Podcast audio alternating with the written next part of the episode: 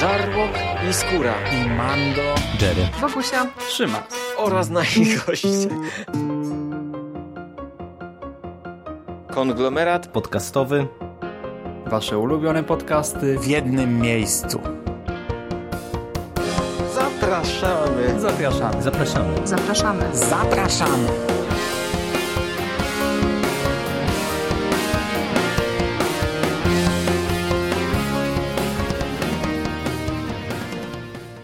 Witamy w konglomeracie podcastowym, czyli na platformie, która zbiera wszystkie Wasze ulubione podcasty w jednym miejscu. Dzisiaj y, jesteśmy w duecie, którego jeszcze na konglomeracie nie słyszeliście, ponieważ y, mam okazję gościć y, człowieka, który ostatnio bardzo dużo dla nas tutaj nagrywa, czyli Rafała Sitińskiego, Sika. Witam Cię, Rafale. Cześć, Jerry, witam wszystkich bardzo serdecznie. Tak, zebraliśmy się trochę w sumie przez przypadek, bo Rafał, który jak wiecie prowadzi swój własny podcast Brzuch Wieloryba, napisał parę dni temu na fanpage'u e, o tym, że zastanawia się, e, czy by tu nie wrócić do filmu Ichidi Killer e, Takeshiego Mike, a akurat tak się złożyło, że ja od bardzo dawna ten film gdzieś tam miałem na swoim radarze, ale nigdy go wcześniej nie widziałem. No i tak, wiecie, czasem człowiek potrzebuje bodźca i postanowiłem Rafała tu zapytać, czy jeżeli bym nadrobił to, czy nie miałby ochoty nagrać.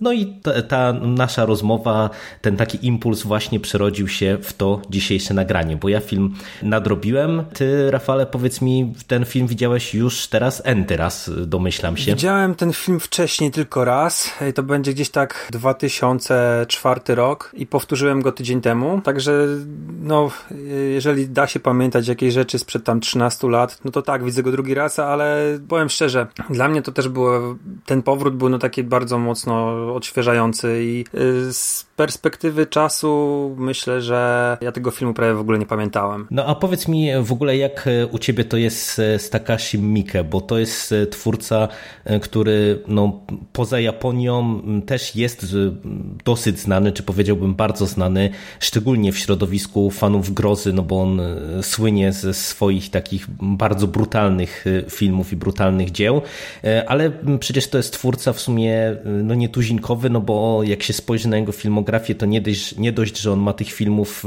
po prostu jakieś dziesiątki w swoim portfolio, to też w zasadzie widać, że tak jak u nas jednak on jest kojarzony bardzo mocno z tym kinem takim hardkorowym, to przecież on tam serwuje w Japonii niemalże wszystkie możliwe gatunki, od właśnie horroru w różnych odmianach poprzez kino gangsterskie, które w sumie też się dosyć przybiło na zachodzie, poprzez jakieś westerny, filmy historyczne i po prostu czego tam on jeszcze nie nakręcił, to, to głowa mała.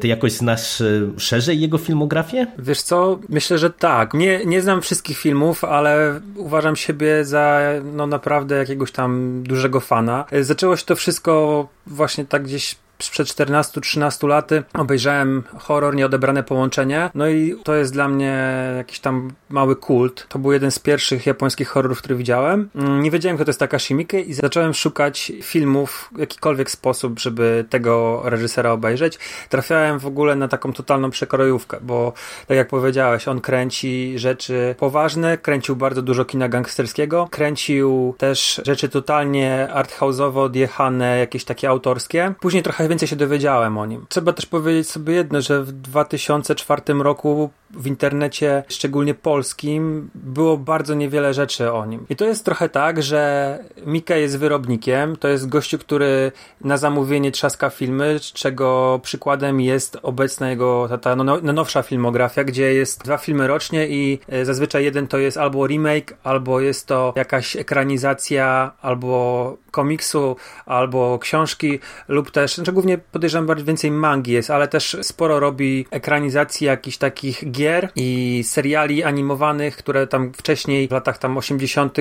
były popularne w Japonii. I tutaj trzeba chyba po podzielić tam jego filmografię bardzo tak wyraźnie, że są rzeczy które no, powiedzmy są kinowe i to są filmy, które raczej trzeba traktować w kategoriach kina normalnego, I druga część jego filmografii to są rzeczy totalnie odjechane, gdzie on chyba daje upust swoim jakimś emocjom, niespełnionym wizjom, bo tutaj są rzeczy, które są totalnie odjechane i jednym z takich filmów właśnie jest, myślę, Ichi the Killer, który jednocześnie jest kinem gangsterskim, a z drugiej strony no jest bardzo, bardzo nietypowym filmem. No to prawda, to, to jest e, film, o którym ja mówię bardzo dużo słyszałem już lata temu, bo nawet się w sumie zdziwiłem, że on datę produkcji ma 2001 rok, bo ja byłem święcie przekonany, że to są jeszcze lata 90., kiedy ten film powstał, ale tutaj w sumie jak zacząłem o filmie teraz doczytywać, to, to było nie jedyne zaskoczenie, bo tak jak wspomniałeś, że Mike obecnie kręci dużo jakichś ekranizacji, nie wiem, czy to mang, czy to komiksów, czy, czy jakichś tam remake'ów, no to też od razu warto wspomnieć o tym, że Ichidi Killer to też jest ekranizacja mangi.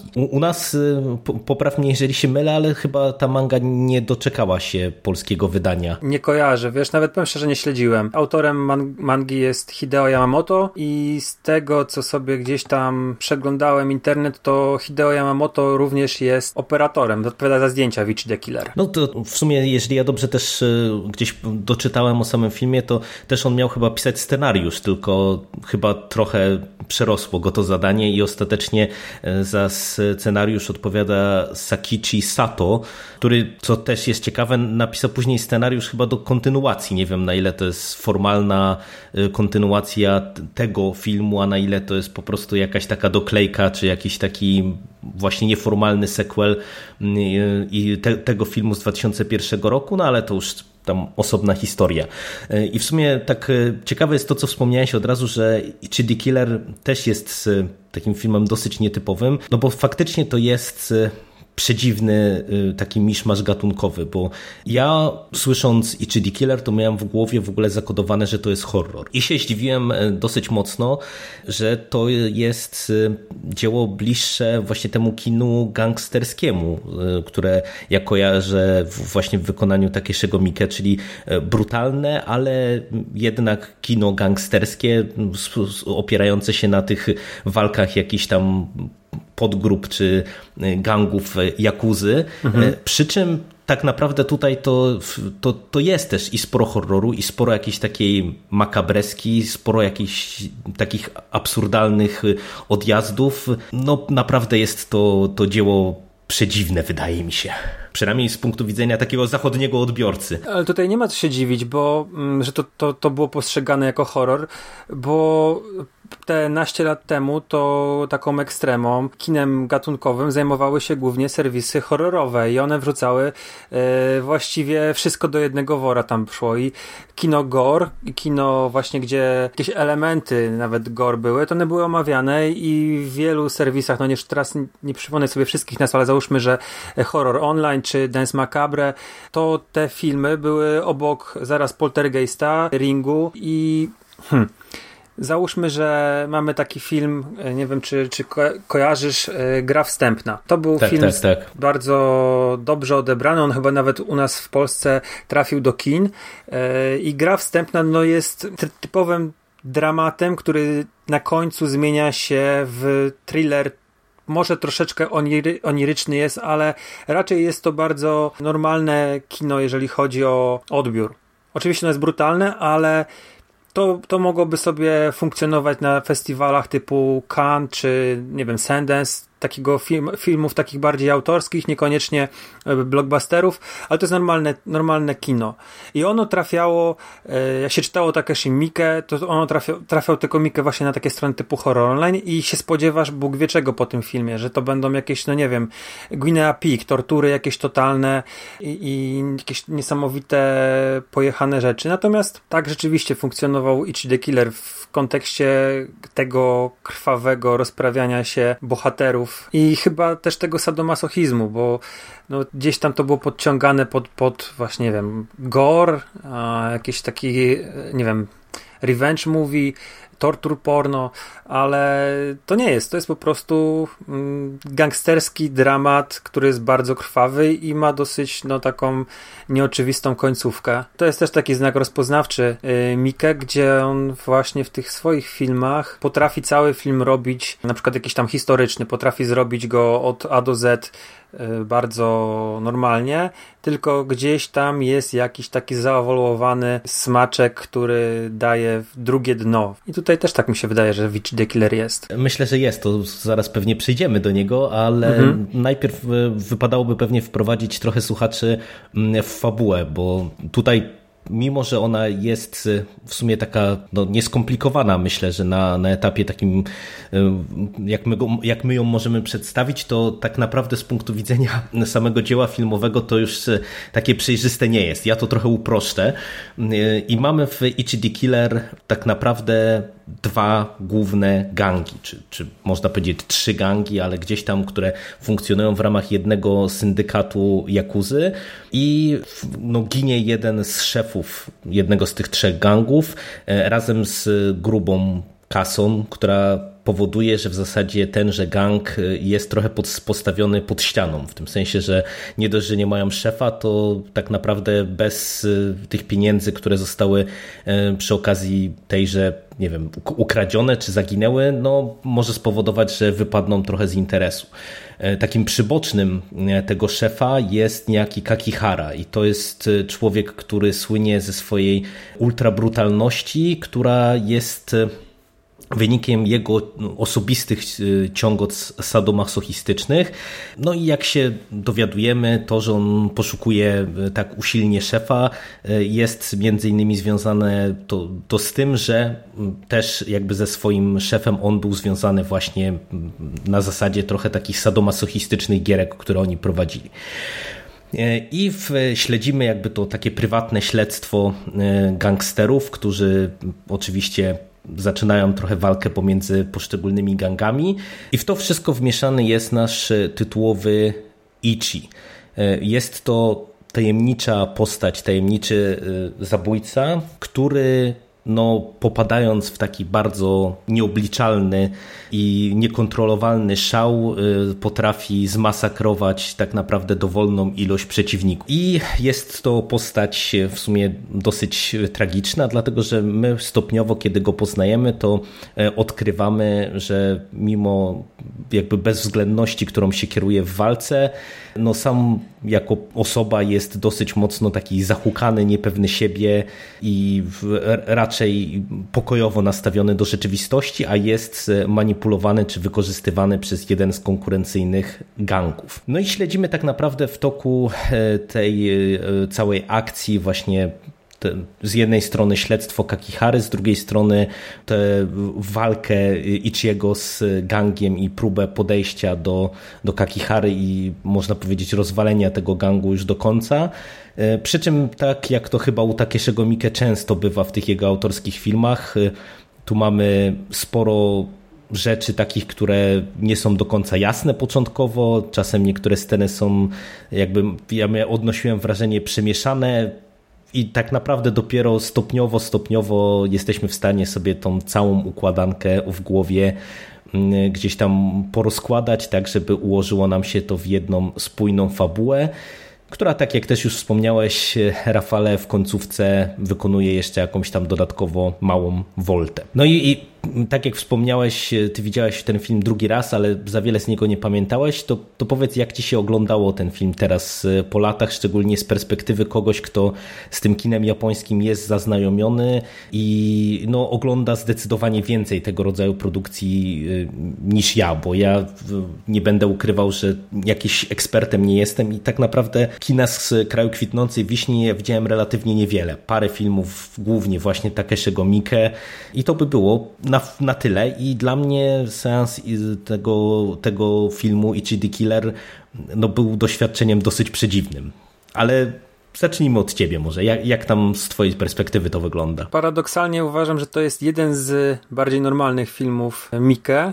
Nawet tak trzymając się gatunku kina gangsterskiego z jego autorskimi wtrętami. Wiem, że oglądałeś Jakuza Apokalipsa. Tak, w porównaniu tak. z Jakuzą Apokalipsą, to Ichi the Killer jest strasznie prosty i czytelny. Tutaj właściwie poza takimi, jak powiedziałeś, mm, niuansami i takim nie, nie może nieliniowym prowadzeniem akcji, taką trochę wielowątkowością, która w pewnym momencie staje się dosyć jasna albo można ją sobie wytłumaczyć samemu, albo bo, bo reżyser daje tyle tropów, że może sobie człowiek to wszystko wy, wyprowadzić w jakiś tam oczywisty sposób, albo po prostu jest jasno powiedziane, co się działo. Tutaj nie ma jakichś takich wielkich, głupich, niedorzecz, niedorzecznych klimatów. Nie ma jakiejś gigantycznej żaby, która niszczy świat, nie? Tak, tak, tak, to prawda. I ja nie pamiętałem, że ten film jest taki, więc naprawdę bardzo przyjemnie mi się do tego wróciło. Byłem zaskoczony bardzo pozytywnie, że jednak to, to nie jest aż takie pokręcone, bo ja początkowo ten film te wiele lat temu go jakoś dobrze nie oceniłem. Byłem chyba rozgoryczony i rozczarowany jednocześnie. Właśnie nie, nie wiem czego się spodziewałem wtedy. Podejrzewam jakiś totalnie horrorowych rzeczy, jakichś odjechanych masakr, a ten film taki no nie jest. I oglądam się go bardzo dobrze, fajnie pokazane są te gangi lat 90., bo to jest tak stylizowane na lata 90., początek 2000, znaczy no to się wtedy to było kręcone, więc to co o czym mówimy, jakiej stylizacji, ale fajnie było zobaczyć właśnie Japonię z tamtych lat. Świetny Kakihara, bardzo charyzmatyczny.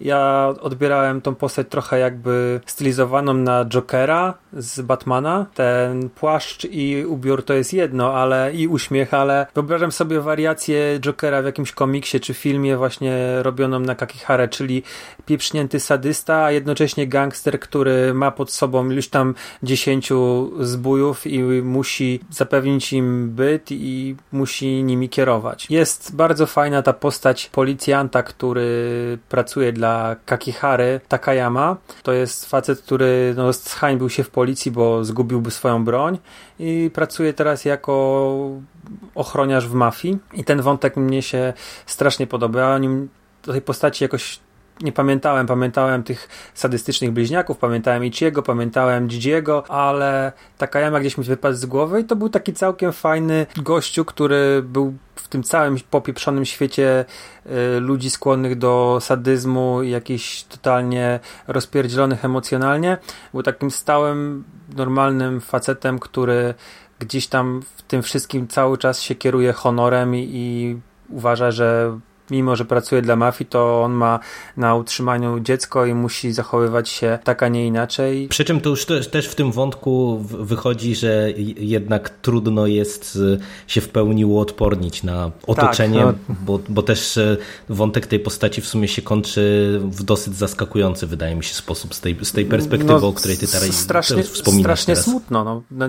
to, to jest brutalna scena, ale ona jest strasznie smutna jednocześnie. To tak złamanie tego bohatera, który gdzieś tam Um. Kieruje się honorem, a w pewnym momencie po prostu widząc tyle chorych rzeczy i niegodziwości, gdzieś tam pęka, prawda? Zgadza się, zgadza się. Mhm. No i byłem zdziwiony y, jedną rzeczą, bo tytułowy bohater Ichi jest postacią obecną, ale marginalną. No dla mnie, dla mnie to był, no powiem ci szczerze, mega szok, bo ja tak jak kojarzyłem właśnie to, o czym się pisało o tym filmie, czyli przede wszystkim taką ekstremalną brutalność, to mm, jedna, jedno z największych zaskoczeń to było to, że wszędzie na plakatach e, do tego filmu jest taki Hara. A ja byłem święcie przekonany, że no, jeżeli tytuł filmu brzmi Ichidi Killer, no to, że ta osoba, która jest pokazywana na plakatach, to jest właśnie nasz tytułowy bohater. No i to, o czym ty właśnie teraz wspomniałeś, czyli, że w zasadzie Ichi jest taką postacią trochę marginalną, bo przecież on się, nie wiem, czy, czy pierwszy raz pojawia tak naprawdę w jakiejś większej roli, nie wiem, koło 30, 40 minuty filmu. Mhm. To, to było naprawdę dla mnie szalenie zaskakujące e, rozwiązanie, no bo nie tego oczekiwałem po prostu. Może to też jest takie autorskie podejście Mikego do, do tematu, bo ja no mówię, nie znam, nie znam mangi, na której to było oparte i może Mike stwierdził, że całkiem dobrym pomysłem jest skupić się na innych bohaterach i ci jest takim no ważnym elementem, ale mm, stwierdził, że wystarczą takie retrospekcje i te kilka scen z Gigi plus finał i zaobserwował nam swoją autorską wersję ekranizacji. Później, to tak jak wspominałeś, powstał film Ichiwan e, i to jest chyba prequel Czyli może gdzieś tam stwierdzili twórcy, mm, między innymi no właśnie mangaka, który to rysował, że warto by było jednak coś więcej o Ichim powiedzieć i zrobili dwa filmy. Jeden to jest animacja, i drugi to jest właśnie to chyba co jest takim typowym prequelem. A to patrz, to widzisz, to ja nawet myślałem, że to był jakiś tam sequel e, do, do tej historii, a, a to, no wiesz, być może to po prostu też z punktu widzenia widzów e, była taka potrzeba, żeby coś o tej postaci dopowiedzieć, natomiast moim zdaniem akurat konstrukcyjnie to się dobrze sprawdziło, że ten ciężar jest przeniesiony z Iciego na Takihare i na tych gangsterów, no bo umówmy się, że Ichi jest y, przedziwną postacią ja jakoś sobie nie wyobrażam, żebyśmy mogli mieć go na pierwszym planie. No też nie wiem, jak to w, w mance zostało przez y, y, rysownika i scenarzystę rozpisane, no ale, ale naprawdę, no ta postać jest na tyle dziwna, na tyle specyficzna, że myślę, że z punktu widzenia odbioru tego filmu, no to to mogłaby być rzecz bardzo ciężko strawna, jeżeli byśmy się to na tym bohaterze skupili od samego początku. W ogóle jak go poznajemy, nie? No to pierwsza scena jest taka, że gościu stoi na balkonie i podgląda jak szef mafii, e, facet, no nie, nie wiesz, to może szef mafii, bije prostytutkę i katuje ją, a on się przyglądając temu się masturbuje, nie? I tutaj może nie do końca chyba widz by się nawet chciał oglądać takiego głównego bohatera. Mm, I druga sprawa, zwróć uwagę, że ten jego opiekun, Gigi, jest w jakiś tam sposób hipnotyzerem. On, tak przynajmniej mnie się wydaje, bardzo mocno pokierował pokierował Ichiego i ukierunkował go i powiedzmy ulepił go, jego tam wątłą psychikę poskręcał w taki sposób dla, dla swoich potrzeb, jaki, jaki widzimy w filmie i może też nie za bardzo Ichi byłby ciekawą postacią, bo to jest narzędzie. No, no jest trochę marionetkowy. No marionetkowy, tak, to jest narzędzie, tak. W związku z czym wydaje mi się, że w tym gangu, w którym no Ichi jest i Gigi, to ciekawszy są no ci nawet ci dwaj, te, ci dwaj gangusy, ten jeden co ćpa i, i który trafia później do telewizora i oni mają tak, chyba tak. więcej poświęcone jako, jako jakaś tam postać, jako jakaś tam motywacja ich jest pokazana, więcej czasu niż Ichi, bo Ichi poza tymi, tymi retrospekcjami ze szkoły średniej, które tak naprawdę do końca my nawet nie wiemy, czy one są prawdziwe, czy to są zaszczepione przez Gigiego wspomnienia, bo tak chyba ostatecznie nie, nie, nie jest to do końca powiedziane. To no niby, jest... niby to raczej to, to jest właśnie jedna z tych zaszczepionych rzeczy, ale no też pytanie, czy tutaj właśnie nie mamy do czynienia z jakąś taką piętrową konfabulacją, mhm. nie? I, I czy tutaj to nie było na zasadzie wykorzystania kolejnej postaci po prostu w ramach jakiejś tam gry i, i pokierowania Ichiego w określonym kierunku, nie? Bo o ile na przykład motywy Gigiego dla mnie są nie do końca jasne i można sobie to tam, myślę, że w sekcji spoilerowej sobie porozmawiamy o tym, o tyle widać od początku, że on jest wielkim manipulatorem i, i są, jest, są kontakty z tym gangsterem Suzuki, mm, mhm. jest ta tak, rozmowa tak. telefoniczna, o, widzimy, że on gra sobie z tą panią, taką dominą Karen, w jakąś tam grę japońską i ma, ma kontakty z, no tak jakby nie patrzeć, z czołowymi graczami tej, tej mafii. O tyle jego motyw ten główny jest taki dla mnie nie do końca jasny i tutaj jest, jest taka jedyna dla mnie hmm, rzecz, taka zagwozdka, którą trzeba sobie gdzieś tam w jakiś sposób samemu wymyśleć. Ale tak ostatecznie odpowiadając na twoje pytanie, jak mi się oglądało go po latach, oglądałem się go bardzo dobrze. Dobrze się bawiłem. Pamiętałem trochę inaczej go, bo to wiadomo, pamięć patafigle wydawało mi się, że był bardziej krwawy, nie był krwawy, ta krew była też i efekty komputerowe były też bardzo takie już teraz, no przestarzałe, ale generalnie mam bardzo pozytywne odczucia. No dla mnie to, tak jak wspomniałem, był sens zaskakujący, bo po pierwsze ja się spodziewałem dużo więcej brutalności, ale takiej brutalności powiedziałbym na poważnie, bo to, co jest myślę warte wzmiankowania przy Ichi Killer, to to, że mimo, że tutaj mamy naprawdę całe mnóstwo krwawych scen i to takich naprawdę bardzo krwawych, a, a kilka y, sekwencji to to jest po prostu no, dosyć duży poziom odjazdu, wydaje mi się, z punktu widzenia zachodniego y, widza w szczególności, to mimo wszystko nie, nie do końca mam wrażenie ta brutalność działa jak w typowym horrorze, bo tu jest zadziwiająco dużo takiej, mówię, jakiejś groteski, te, takiego jakiegoś, nie wiem, wisielczego humoru, mhm. co powoduje, że bardzo wiele tych krwawych scen no jest jakoś rozładowanych tak na poziomie emocjonalnym, przynajmniej na mnie to tak działało. Nie wiem, czy się tu ze mną zgodzisz, że wiesz, że nie, że nie mamy do czynienia z, z takimi krwawymi sekwencjami, które nas mają stricte, nie wiem, obrzydzić czy przestraszyć, tylko że troszeczkę jakby inną funkcję tutaj spełnia ta, ta przemoc y, w EGD Killer. Poza okrucieństwem wobec kobiet, które jest naprawdę bardzo mocne, bo tutaj to, to jest tak, takie... i to są jedyne elementy, które są na poważnie tak, tak naprawdę. Tak, to, to rzeczywiście jest ten kom komediowy element właśnie w tej, czy w scenie tortur, y, gdzie Kakihara przesłuchuje Suzukiego. Suzuki jest podwieszony na łańcuchach za skórę na hakach. I, i, to, i tam jest taki element, który rozładowuje to, to, to, co widzimy na ekranie.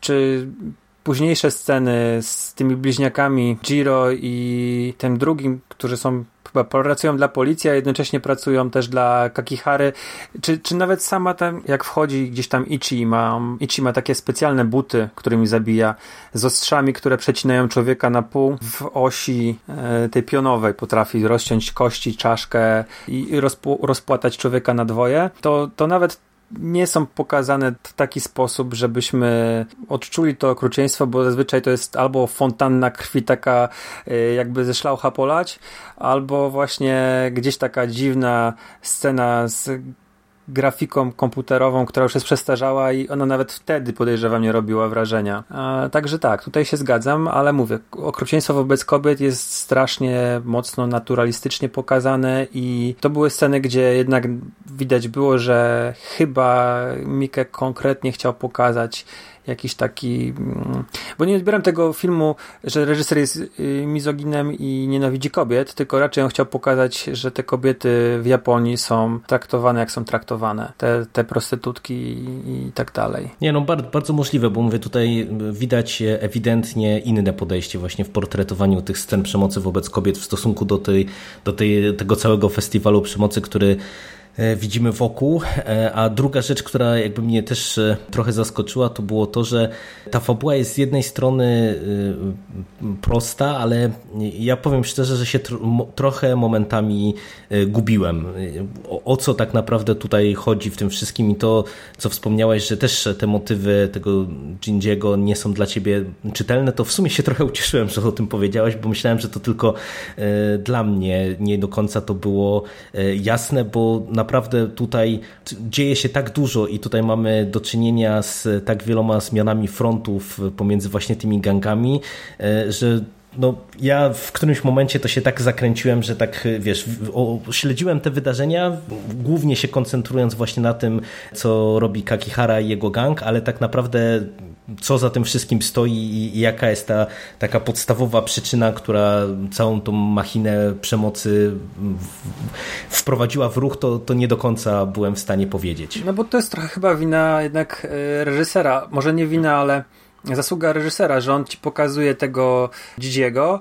I to jest taki chłopek roztropek, taki mały, niski gościu w kurteczce sobie siedzi i, i my na niego na początku nie zwracamy uwagi, oto jakaś taka minoga sobie siedzi i tam gdzieś tam przydupas większych gangsterów, a on sobie gdzieś tam swoje robi i to, to nie jest, mówię, ja na przykład oglądałem ten film drugi raz i ja całkowicie zapomniałem, że za Ichim i za tym wszystkim, co się dzieje, Gigi stoi aż tak mocno. I, i też śledziłem mm, film skupiony właśnie na, na popisach e, aktorskich Asano, czyli Kakihary.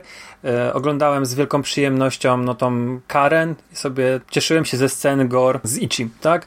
Ale gdzieś, gdzieś nie pamiętając, że na, na czym się skupić, po seansie mówię, kurde, przecież kto był głównym złym, dostajemy odpowiedź, tak? Kto, kto, kto stał za wszystkim, a ja wie, mogłem to pamiętać, a wiesz, to mi umknęło totalnie. W związku z czym gdzieś tam jakieś tropy mam i, i pogadamy o nich, ale, porozmawiamy o nich, ale no, też miałem identyczne odczucia, także jak ty, Także wiesz, no tutaj myślę, że mamy bardzo podobny odbiór. To zanim jeszcze przejdziemy właśnie do sekcji spoilerowej, żeby sobie porozmawiać, to y, króciutko chciałem Cię o jedną rzecz zapytać, dlatego że tak jak też zacząłem do, doczytywać o samym filmie, to widzę, że dosyć mocno podnoszone jest w różnego rodzaju recenzjach y, i opisach tego filmu to, że Mike y, w dosyć taki wyraźny sposób chciał nam pokazać że my jako widzowie jakby trochę godzimy się, czy przyswajamy tę przemoc tak trochę bezmyślnie w celach tylko rozrywkowych, no a że jednak to nie do końca jest jakby w porządku. I tutaj mamy parę scen takich, gdzie tak naprawdę też postaci są stawiane w roli właśnie takiej jak my widzowie w przypadku filmu, czyli gdzie, że gdzieś tam, nie wiem, są tylko świadkami jakiejś, jakiegoś określonego wydarzenia. I czy ty jakby wyczuwasz e, jakieś takie właśnie silne drugie dno, ale w tym kierunku, e, z, jakie ten film za sobą niesie? Wiesz co, tak, mi się wydaje, że nie wiem jak obecnie Mike, ale ten Mike sprzed powiedzmy 20 20 lat, czy tam 15 lat był bardzo mocno zaangażowany w takie tematy społeczne i gdzieś tam to przemycał. Tak jak wspomniałem, podejście do postaci kobiecych w tym filmie, wydaje mi się, że tutaj bardzo. Nie, nie wierzę, że jest to reżyser, który nienawidzi kobiet i robił to specjalnie, żeby upodlić kobiety, czerpiąc z tego satysfakcję, ale ta, ta zmiana Takayamy też jest, wynika mhm. z tego, że bohater który miał no, jakiś tam kodeks moralny, kierował się honorem, nagle staje się po prostu sadystą pod wpływem tego, co widział. I może to nie jest takie bezpośrednie, że widz się staje sadystą, ale gdzieś tam sygnał taki do, dla, dla ludzi, którzy to oglądają, że y, nie jest ok być biernym świadkiem takich, takich rzeczy i się, no, i się na to godzić, mhm. tak, i się godzić na to. Jest też z 2001 roku taki film Visitor Q. To mhm. jest już totalnie takie autorskie kino, bardzo niewielki budżet widać tam i widać też, że y, Mike miał coś ważnego do powiedzenia, nie, niekoniecznie przyłożył się na stole montażowym, a może może nawet nie chciał, bo to jest tak trochę w formie paradokumentu zrobione, więc czasami widzimy nad bohaterami mikrofon na statywie.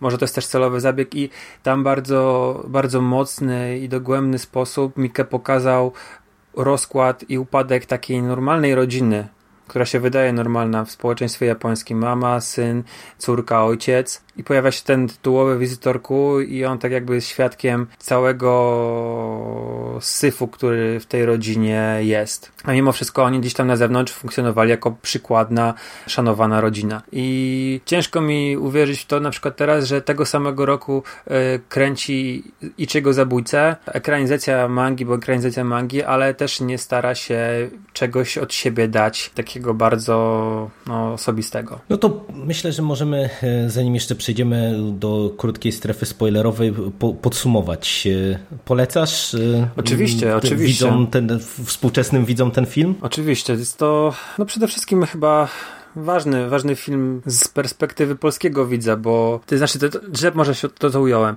To jest ważny film, bo on robił dużo i był bardzo głośny te wiele lat, te wiele lat temu, które, kiedy, kiedy, kiedy internet raczkował, ludzie mogli zacząć ściągać filmy, bo nie oszukujmy się, on nie wszedł do dystrybucji do Polski, chyba do kin nie było, ani go nie puszczali w telewizji, e, także na festiwalach podejrzewam też go nigdzie w Polsce nie można było oglądać i nagle się taki film pojawił i on ludziom otworzył oczy, że jest po poza Japonią, poza Godzillą, poza filmami Kurosawy i poza e, tymi horrorami, które wtedy na potęgę wychodziły w Polsce, czyli Ring, Klątwy, tym podobne.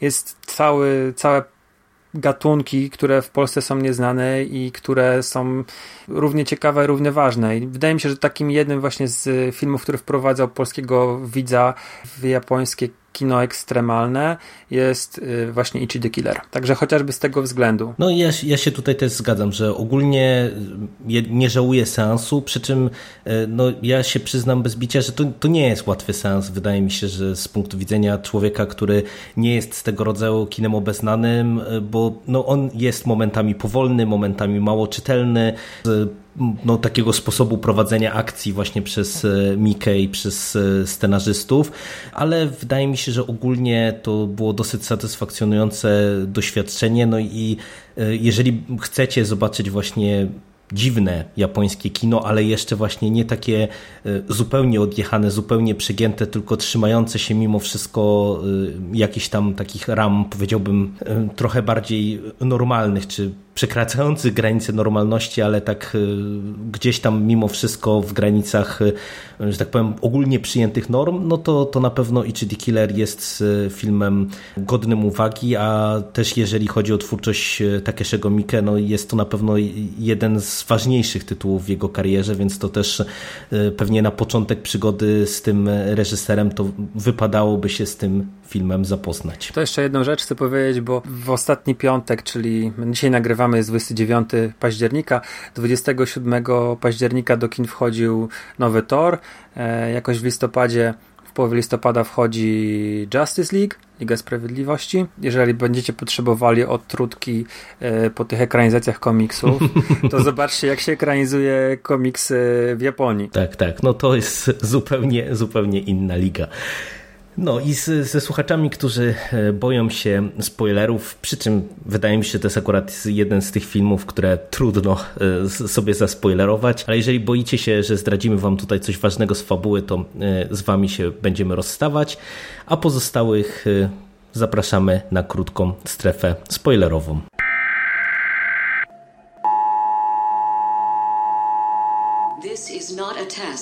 This is your emergency broadcast system. You have that luxury. You have the luxury of not knowing what I know. You can't handle the truth! You want answers? May God be with you all.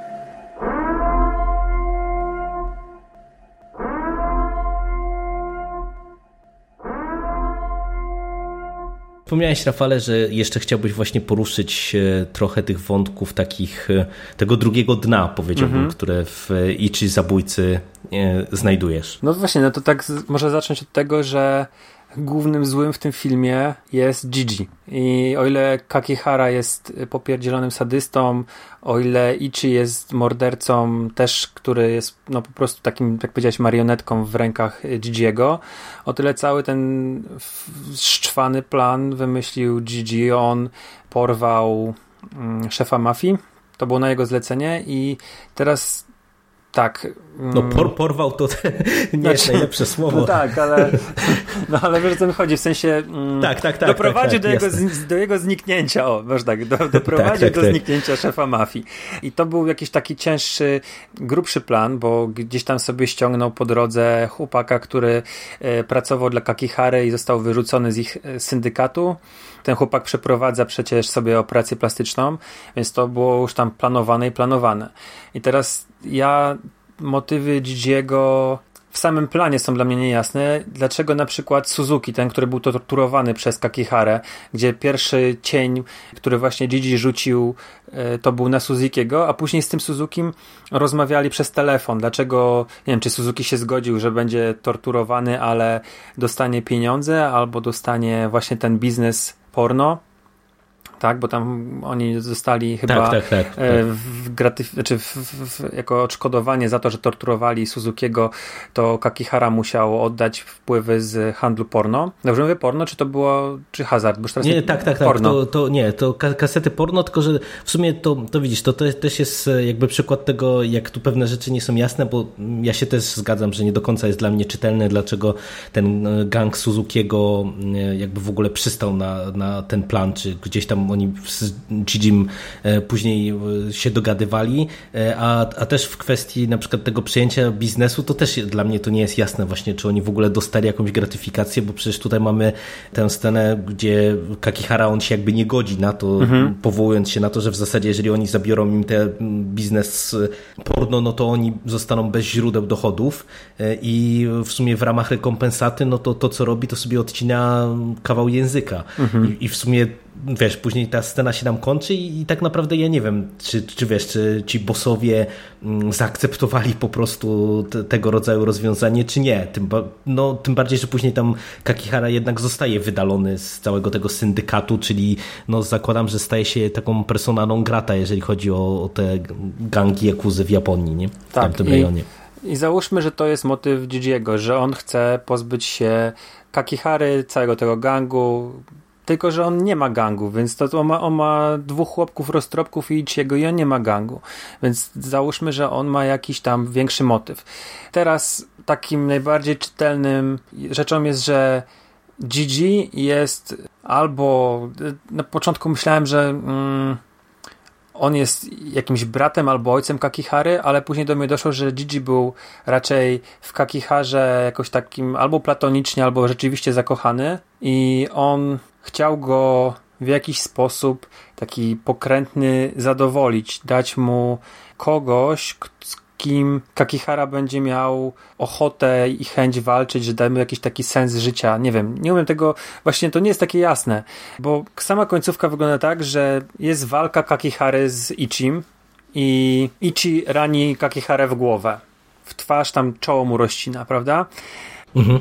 Później pojawia się syn Takayamy, i gdy Ichi no, w, e, zaczyna płakać i szlochać, że nie, nie może kontynuować walki z Kakiharą, syn Takayamy zaczyna go kopać i go kopie, kopie, kopie cały czas, a e, Kakihara z takim wielkim rozczarowaniem na twarzy, bierze sobie kolce i wbija w uszy. Kakihara on spada z dachu po, po tym ciosie w głowę, bo on przy, przybija sobie uszy i w tym momencie jakby ma taką, jest taka przebitka na to, że jakby Ichi jednak wstaje, zadaje mu cios w głowę i on jakby spada z dachu E, na ziemię. Przy czym to ja, ja, rozumiem, że nawiązujesz do tego, że kiedy Gigi się tam pojawia jakby na dole, to Kakihara nie ma tej, tej rany na głowie. Tak. Która, którą teoretycznie mu Ichi zadał. Ichi zadał, więc yy, właśnie odwróciłem, odwróciłem kolejność.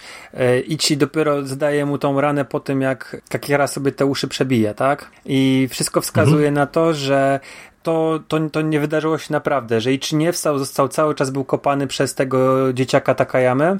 Wszystko wskazuje na to, że Kakihara wcale nie, nie odniósł żadnych obrażeń w walce z Ichim, po prostu zeskoczył z tego dachu. A Gigi się wiesza. Mhm. Nie wiem, czy ze smutku, czy z jakiegoś tam rozczarowania sobą. Z drugiej strony mm, mamy te dzieciaki, które idą sobie w ostatniej scenie, po tej scenie powieszenia i odwraca się chłopiec. To jest właśnie e, nie Ichi, tylko syn Takayamy i co sugeruje autor, czy autor, reżyser sugeruje, że te doświadczenia, które spotkały chłopca właśnie w tamtym, na tamtym dachu powodowały, że no, zmienił się w takiego potwora, jakim był Ichi i że on mógł powiesić Gigiego w ramach kary za to, co e, on wywinął tym swoim całym planem. Ale ta, ta, ta, tak, tak ja sobie to argumentuję, że Kakihara popełnił samobójstwo rozczarowany tą walką z Ichim, a w związku z tym Gigi też popełnia samobójstwo, bo gdzieś tam ginie ktoś, kogo kochał. Bardzo ciekawa interpretacja. E, nie wpadłem na to, powiem, powiem Ci szczerze. E, pod pewnymi względami się zgadzam, bo do takiej linii, w której jakby widzimy Gigiego jako osobnika, który w jakiś sposób chce zadowolić Kakiharę, to y, można pod to podciągnąć to, że w zasadzie y, Kakihara y, od momentu zniknięcia szefa, który w jakiś sposób go tam zadawalał właśnie, jeżeli chodzi o te jego ciągoty sadomasochistyczne, no to widzimy, że mm, próbuje osiągnąć tą satysfakcję. Mamy tę scenę z Karen, które, która no, ma być na chwilę tym zastępstwem, ma być tą dominą, która go sponiewiera. Mhm. No i okazuje się, że nie? Tak, tak, jest, jest duże rozczarowanie. E, I tak e, widzimy, że stopniowo Kakihara popada w jakby coraz większe takie mm, szaleństwo na zasadzie takiej, że próbuje zastąpić to, co było dla, nie, no, dla niego satysfakcjonujące w jakiś inny sposób, no i spotykają go co i róż rozczarowania. I faktycznie w którymś momencie ta walka z Ichim y, finałowa wskazuje na to, że być może tak, teraz uda mu się osiągnąć w końcu y, to spełnienie, no ale kończy się jak się kończy i, i faktycznie y, to, tą końcówkę można odbierać właśnie w ten sposób, że on odbiera sobie życie jakoś tam na skutek tego mm, z jednej strony rozczarowania, a z drugiej strony myślę, że może takiego też jakiegoś absolutu nawet, bo wiesz, bo tam dochodzi w, w którymś momencie do takiej sekwencji, gdzie widać, że Kakihara jest e, naprawdę przerażony, kiedy Ichi go tam zapędza tak w róg mhm. dachu i widzimy pierwszy raz w całym filmie strach tej postaci. I ja też e, się zastanawiałem właśnie, czy to nie było tak, że wiesz, że on z kolei osiągnął ten taki strach y, y, wywołany perspektywą bólu i, i taki, takie swoiste spełnienie w tym jego sadomasochistycznym podejściu do życia, no ale kiedy, wiesz, okazało się, że Ichi się rozkleił, no to właśnie z jednej strony to potencjalne spełnienie, a z drugiej strony rozczarowanie spowodowały to, co spowodowały. Natomiast te, te, ta ostatnia scena jest dla mnie trochę nieczytelna, bo nie wiemy, co się stało z Ichim, nie? No bo raczej nie możemy założyć, że ten dzieciak go zakopał na śmierć. Tym bardziej, że przecież Ichi cały czas y, paraduje w tym takim dziwnym kostiumie, który pewnie w jakiś sposób go tam chroni. To jest taki dziwny strój, strój motocyklisty, bo takie ma chyba ochraniać na kręgosłup, jak mają tacy właśnie motocykliści, co się ścigają na, y, na wyścigach, nie? To tak, tak, no i te buty tak, są tak, tak inne, tak, tak, to, to jest taki chyba strój motocyklisty. I wiesz, i z tej perspektywy to ja nie do końca jakby wiedziałem, jak właśnie tę scenę y, rozpatrywać, nie? w której widzimy Gigiego powieszonego e, na tej gałęzi, tym bardziej, że właśnie to, że widzimy tego dzieciaka już takiego wyrosłego, no to wskazuje, że od y, akcji na dachu no minęło kilka lat, nie? Więc, więc wiesz, więc pozostaje otwarte pytanie, co się stało z Ichim i co doprowadziło do, do tego, że widzimy te dwie postaci w jednym miejscu, natomiast właśnie to, że one się znajdują, tutaj ten syn policjanta i Gigi w tej samej scenie, w samym finale, no to moim zdaniem to jest e, jakoś w, jedny, w jednoznaczny sposób pokazane, że te dwie sprawy no, muszą być ze sobą związane. Nie? No to nie może być przypadek, że po tylu latach wracamy do tych postaci i, i że to się nie łączy, że się tak wyrażę. A, wi a, widzisz, bo ja w ogóle to odebrałem, że to jest tylko je, ostatnia scena jest mm, z dzieciakiem, a znaczy tak mówiąc teraz to sugerowałem, że może tak być, ale mój odbiór mhm. był taki, że po tej akcji jak on widzi, że Kakihara spadł z tego dachu, to następna scena no jest taka jakby to powieszenie się Dzidziego i dopiero mhm. później, na samym końcu, już zamykająca scena jest z synem Takayamy, który jest nowym Ichim. Mhm. Więc w ten sposób. Co się, tak, wiesz, co się stało z Ichim? No, można wierzyć lub nie, no ale może go zakopał na śmierć, kopał go po głowie tak długo, aż zamordował go. Tutaj no, mamy otwarte zakończenie na pewno, nie? Bo mogło być też tak, w co nie, nie chcę się wierzyć, ale nagle Ichi przygarnia go i tylko, że no Ichi nie był przystosowany do opieki sam nad sobą, więc ciężko mówić, że on by takiego dzieciaka przygarnął i opiekował się nim i wy, wyrósłby chłopak nie, nie, to, nowego. To, to, to, jest niemożliwe, nie? Nie, to my, myśl, myślę, że to raczej mogło być tak, że właśnie Gigi przejął go e, pod swoje skrzydła właśnie i, i miał jakiegoś tam nowego wychowanka, no bo to jest chyba jedyne e, takie najbardziej sensowne wydaje mi się rozwiązanie. No ale tak jak wspominasz, no, jest to zakończenie, które pozostawia pole do interpretacji. E, no ale tak jak widzicie, no, dyskutujemy e, o filmie po seansie, także to też pokazuje, że mm, no, jest na pewno produkcja pod jakimś kątem nietuzinkowa, no bo dwie osoby, które oglądały ten film teraz całkiem niedawno i w, i w sumie jednak e, do trochę odmiennych wniosków e, dochodzimy, więc to, mhm. to też e, widać, że gdzieś tam ten scenariusz przez to, jak jest poprowadzony i film jak jest poprowadzony, no to gdzieś daje pole do interpretacji różnej, jeżeli chodzi o, o, o, widzów i pewnie każdy inaczej go, to, to, trochę wszystko odbierze. No szczególnie, że tutaj właśnie te motywy y, głównego złego nie są jasne, bo w filmach gangsterskich zazwyczaj chodzi o, no, o władzę, o pieniądze, o zemstę i diaboliczny plan Gigiego jest tak skonstruowany, że on rzeczywiście jest diaboliczny. Tam masa ludzi ginie, masa ludzi jest krzywdzonych, ale jego główny motyw nie jest do końca jasny. No, nie wiemy, dlaczego on to robi. Zostawia sporo poszlak, Szczególnie, że facet jest, tak jak wspomnieliśmy, hipnotyzerem i on potrafi w jakiś tam sposób wpływać na swoich rozmówców. Między innymi wpływał też na Karen. Też tutaj daje do, do myślenia właśnie ta rozmowa z Karen i później jej interakcja z Kakiharą, nie? To też tak jest, że gdzieś to, to tak, tak wszystko tak, tak, on układał, on układał pod, tylko pod to, żeby Kakihara, no nie wiem, może nie mógł dojść do tego spełnienia, albo właśnie, żeby szykował dla niego jakieś tam grand finale. Ten, ten, ten finał się okazał rozczarowujący i tyle ode mnie, myślę, bo... Jakieś, jakieś jednej wykładni pewnie no, nie skonstruujemy, czy, czy wam nie damy. No, warto pewnie samemu się przekonać na własnej skórze, jak wy ten film odbierzecie. Tym bardziej, że mówię, no, mimo że jest to film e, specyficzny i mocny, no to, to jednak, e, oczywiście mówię do tych, którzy filmu nie widzieli, a jednak zdecydowali się na strefę spoilerową, no to to wydaje mi się nie jest e, aż tak szalone i perwersyjne dzieło, żeby, żeby się z nim nie zmierzyć, bo śmiem nawet powiedzieć, że nie wiem, czy nie mocniejsze dla mnie było z, nie wiem, taki imprint, chociażby z Masters of Horror, z tymi bezpośrednimi tam torturami, niż ta przemoc, która tutaj była nam zaprezentowana, także pod tym kątem to też seansu myślę, że nie należy się obawiać. I co, Rafale, chyba od nas to, to tyle na dzisiaj. Dziękuję Ci bardzo za rozmowę. Ja również dziękuję i liczę, że inne filmy Mikę też sobie omówimy, bo jest sporo rzeczy, które chyba warto pociągnąć, powiedzmy, na konglomeracie. Skoro już omówiłeś Jakuzę Apokalipsę i omówiliśmy Iczego Zabójcę, to jest sporo przed Tobą fajnych no, rzeczy ja, i może zrobimy jakiś cykl ja, ja ci powiem szczerze, że bardzo chętnie, bo y, nawet y, dorobiłem się w domu, mam Dead or Alive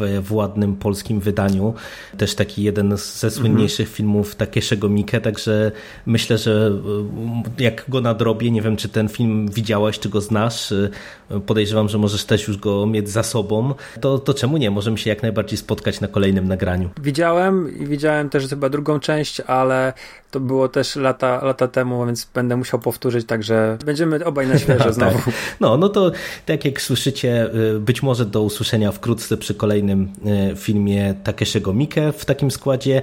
Ja Ci dziękuję jeszcze raz, Rafale, za nagranie. Dziękujemy słuchaczom. Również dziękuję. I do usłyszenia. Cześć. Cześć.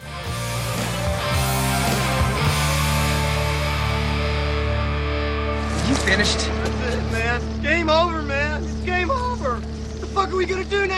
What are we gonna do? It's over. Nothing is over. Nothing. You just don't turn it off.